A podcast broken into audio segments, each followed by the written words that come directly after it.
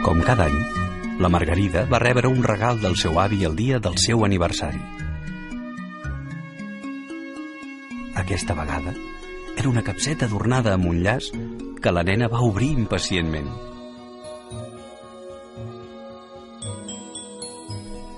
A dins s'hi amagava una figureta estranya, una ballarina i un soldadet de plom d'una sola cama, enganxats sobre una mateixa bassa en forma de cor. La Margarida no havia vist mai cap joguina tan rara. «Què és això, avi?», va preguntar. L'avi va agafar la figureta i va començar a explicar-li la fantàstica història del soldadet de plom. Hi havia una vegada un nen que tenia moltes joguines. Les tenia totes a la seva habitació, on es passava hores i hores jugant-hi. El nen, però, el que més li agradava era jugar a fer batalles amb els seus soldadets de plom.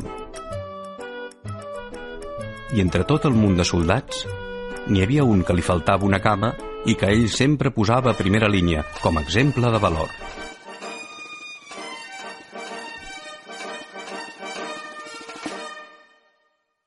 Però el nen no sabia que mentre ell dormia, les joguines cobraven vida. Així va ser que una tarda el soldadet de plom va anar a parar dins la foscor d'una capsa on també hi havia guardada una maquíssima ballarina. No cal dir que entre ells va sorgir l'amor a primera vista. Però com que tots dos eren molt tímids, amagaven els seus sentiments mentre s'explicaven les batalles que entaulava ell i els espectacles que oferia ella. El vincle que es va crear entre tots dos va convertir-se en l'enveja de les altres joguines. Abans d'anar a dormir, el nen les recollia i les endreçava, però després el soldadet i la ballarina es passaven tota la nit xerra que xerra.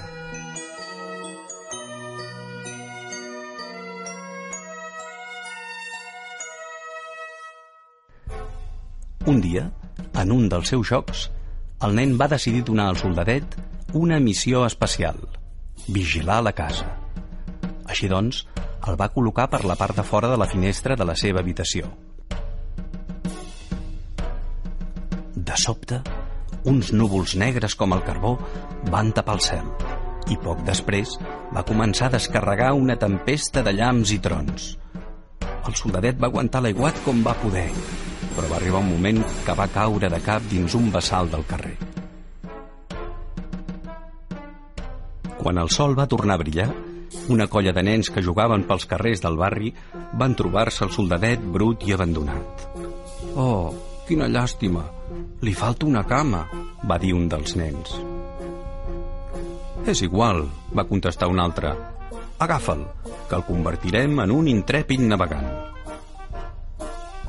I dit i fet, al cap d'un moment, el soldadet de plom navegava a bord d'un vaixell de paper per una de les rieres creades per la pluja.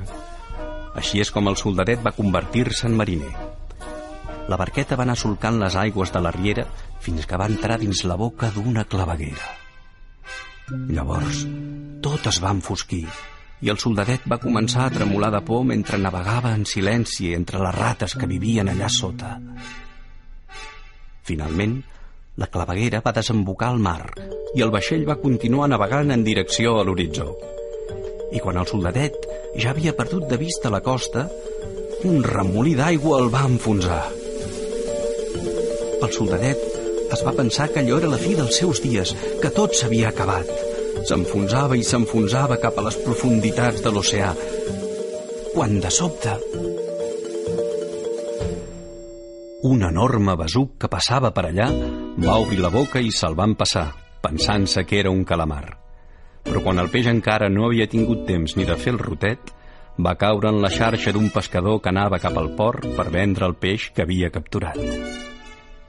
I sembla increïble, però és veritat.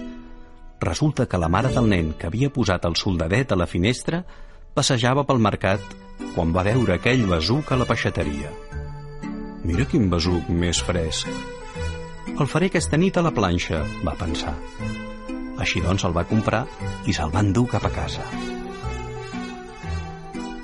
Quan va ser l'hora de preparar el sopar, la mare del nen va començar a netejar el besuc. I quan el va obrir amb un ganivet, va aparèixer el soldadet de plom. El nen es va posar molt content d'haver-lo retrobat i aquesta vegada va decidir posar-lo sobre la llar de foc. I sorpresa, al costat de la seva estimada ballarina. El soldadet va començar a explicar-li totes les seves aventures, que havia navegat entre rates, que havia sortit a mar obert fins que una onada havia enfonsat el vaixell de paper, que... Però quan més excitat estava en el seu relat, una forta ventada va fer caure la ballarina entre les flames de la llar de foc. El soldadet no podia suportar veure com la ballarina es cremava i, armant-se de valor, va balançar-se també sobre el foc. A poc a poc, el foc va començar a fondre les seves bases i llavors el plom d'una de les figures va començar a barrejar-se amb el plom de l'altra, adoptant forma de cor. Quan els seus cossos també estaven a punt de fondre's, el nen els va rescatar d'entre les flames. Des d'aleshores, el soldadet i la ballarina han estat sempre junts, units pel seu destí, sobre una base en forma de cor. Doncs a partir d'ara no deixaré que se separin mai més, va dir la Margarida.